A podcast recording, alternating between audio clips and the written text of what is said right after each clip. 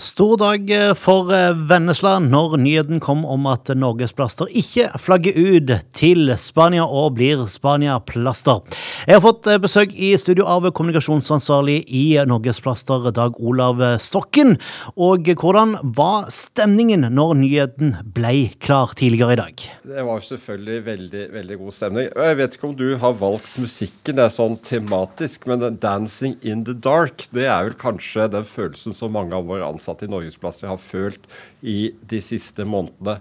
Og Derfor så var det veldig godt å komme ut i lyset med en avgjørelse. Styret fattet en avgjørelse om fortsatt, fortsatt produksjon i Vennesla.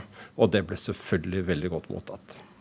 Men eh, hvorfor har det vært så mye usikkerhet rundt, eh, rundt, virksomheten? For det har jo blitt spekulert og har snakket om dette egentlig helt siden lenge før jul. Ja, nei, altså vi må tilbake til, til månedsskiftet september-oktober.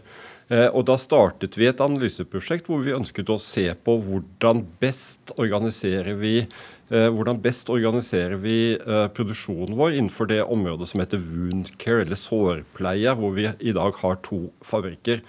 Eh, og skal du gjøre det på en god, grundig måte, så skal du ut. Du skal informere de ansatte, og du skal involvere de, de, ansatte. Og det har vi gjort. Og vi har vendt hver stein. Og så har vi kommet fram til den konklusjonen at det beste resultatet er å fortsette med to fabrikker innenfor dette området. Um, og den avgjørelsen som, som, kom i dag, er det, er det noe som, som ble bestemt i helt i tolvte time? Nei, det, det, har jo vært selvfølgelig en, en, en, lang prosess hvor man da går gjennom ulike sider. Men så kommer man inn i en sluttfase hvor man begynner å trekke konklusjoner. Eh, så behandler man det, veier frem og tilbake, og så lager man en, et grunnlag til et styremøte. Eh, og med en anbefaling fra administrasjonen. Eh, og så behandler styret det, går gjennom alt, kvalitetssikrer det Eh, og også fatter den, eh, den endelige, endelige, avgjørelsen. Og Det skjedde klokken åtte i dag tidlig. eller Styremøtet startet klokken åtte i dag tidlig, og klokka ni så kunne vi gå ut og fortelle de ansatte om resultatet. Og eh, Går det an å, å, fortelle litt hva, hva var det som, som, veide mest for at en skulle, skulle beholde fabrikken i Vennesla? Jeg vil nesten si som helseministeren sier om dagen. Det er det, det, er det, er det kjedelige helhetsinntrykket, eller helhetsvurderingen. Så det har jo selvfølgelig vært en helhetsvurdering. Så når vi ser på slike ting, så, så ser vi selvfølgelig på bedriftsøkonomiske ting. Vi ser på liksom, hvordan ser det ut ute i, i, markedet, og så ser vi på de tekniske forutsetningene for eventuelt å, å flytte, flytte, produksjonen. Så, så, konklusjonen av å sett på alt dette sånn, det ble at vi fortsetter med produksjon på to steder.